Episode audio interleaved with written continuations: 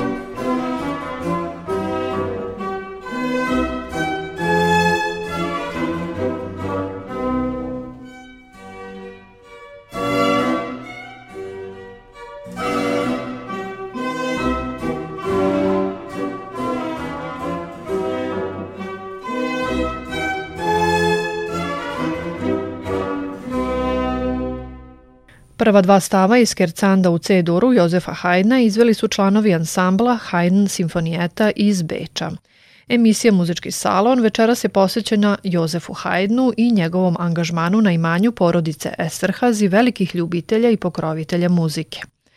Haydn je stupio u službu Paula Antona Esterhazije 1761. godine i dobio zvanje vice kapelmajstora – jer je tada još uvek za ovu plemićku porodicu radio vremešni kompozitor Gregor Werner. Princ Paul Anton bio je veoma naklonjen muzici, svirao je violinu, flautu i lautu, a sakupio je i veliku količinu muzičkih rukopisa za porodičnu biblioteku. Osim što je angažovao mladog Haydna, Paul Anton Esterhazy je reorganizovao muzičko osoblje na dvoru, doveo je nove svirače i omogućio mladom muzičaru da komponuje i izvodi svoja dela – jer je na raspolaganju imao mali orkestar. Kako je Paul Anton umro već godinu dana nakon što je Haydn stupio u službu Esterhazijevih, porodične obaveze preuzima prinčev brat Nikolaus koji je takođe bio naklonjen muzičkoj umetnosti. Zbog raskošnog načina života koji je podrazumevao ekstravagantnu odeću, građanje velelepnih palata i finansiranje operskih i drugih grandioznih muzičkih predstava, Nikolaus I je dobio nadimak veličanstveni. On je veoma cenio Hajdnov rad i više puta ga je nagrađivao. Bio je velikodušni muzički patron i za vreme njegove vladavine porodična muzička kapela je procvetala. Princ Nikolaus I je poput svog brata svirao nekoliko instrumenta, među kojima i neobični bariton.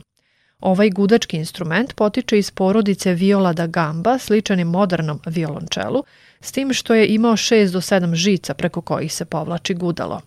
Umesto nogice koje ima današnje čelo, bariton se poput viole da gamba držao između kolena. Haydn je komponovao veliki broj dela za ovaj instrument, naravno prema želji svog nadređenog, ali je on nekako ostao popularan samo u uskim krugovima kućnog muziciranja, te se nije probio na koncertni podijum. Međutim, zahvaljujući muzičarima sklonim praksi takozvanog istorijski zasnovanog izvođaštva, možemo čuti kako zvuči bariton u Haydnovim delima. Slušamo drugi stav iz Haydnovog divertimenta broj 27 u D-duru, pisanog za bariton, violu i violončelo.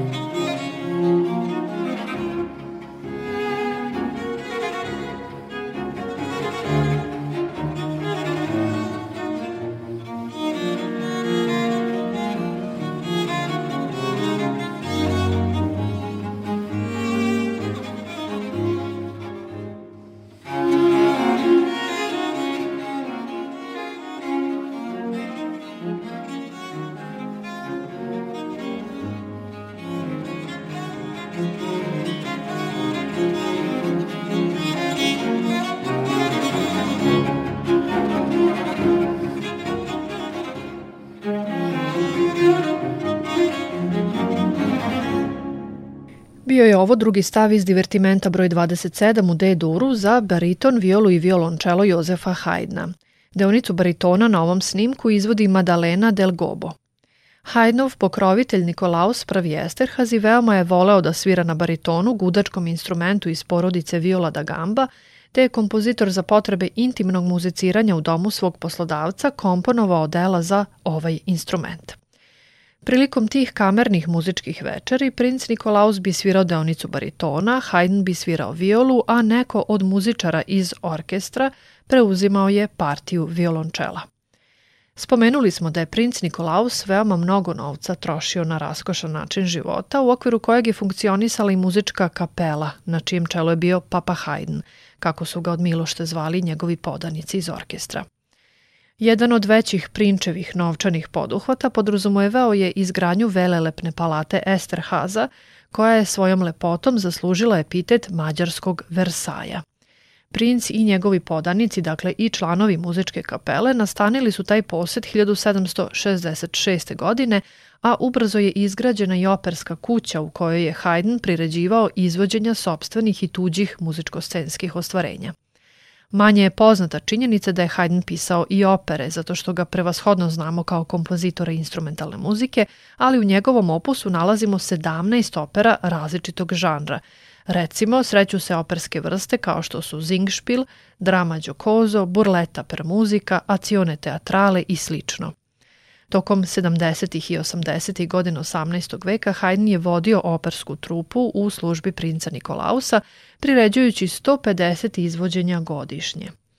Svečano otvaranje operske kuće na imanju Esterhazijevih, koje se danas nalazi u mađarskom gradu Ferdedu, nedaleko od granice sa Austrijom, desilo se na jesen 1768. godine i tada je premijerno izvedena Hajdnova tročina komična opera Apotekar na libreto Karla Goldonija.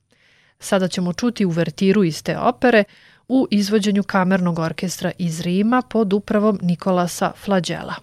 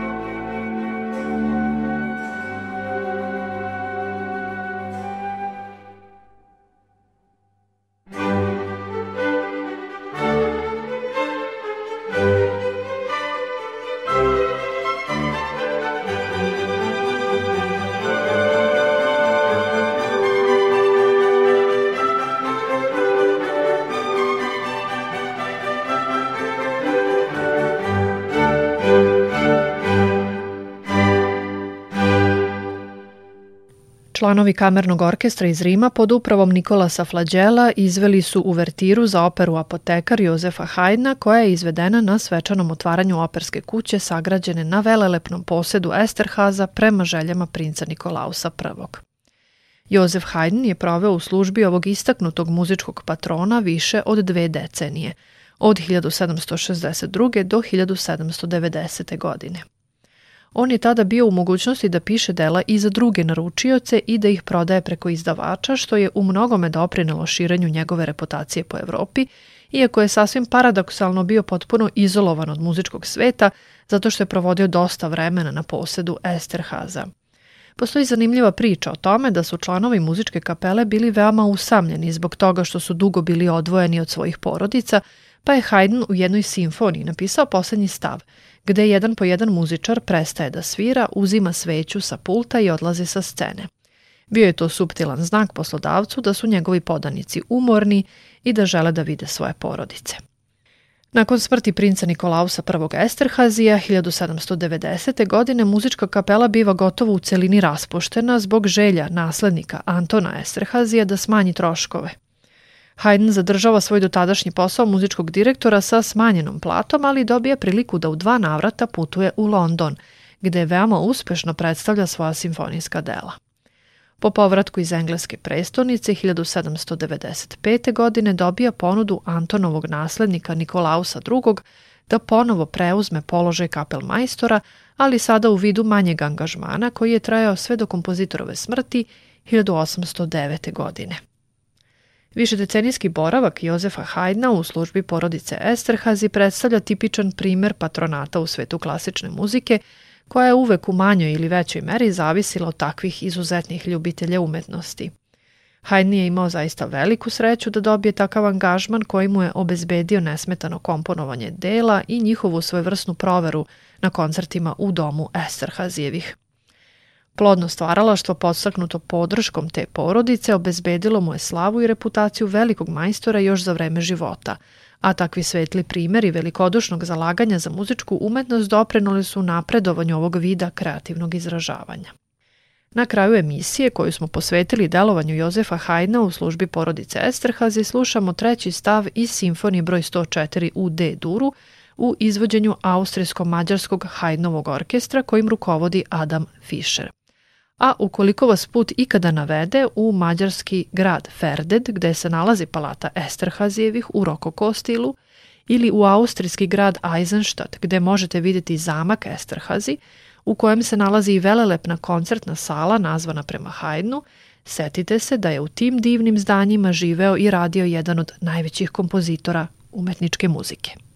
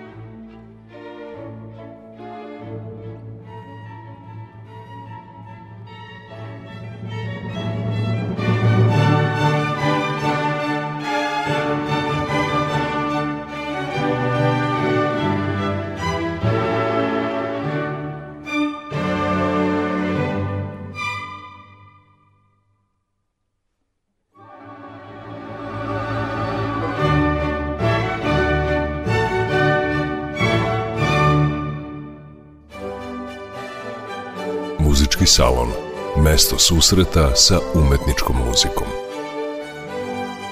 Muzički salon. Priče o klasičnoj muzici. Muzički salon.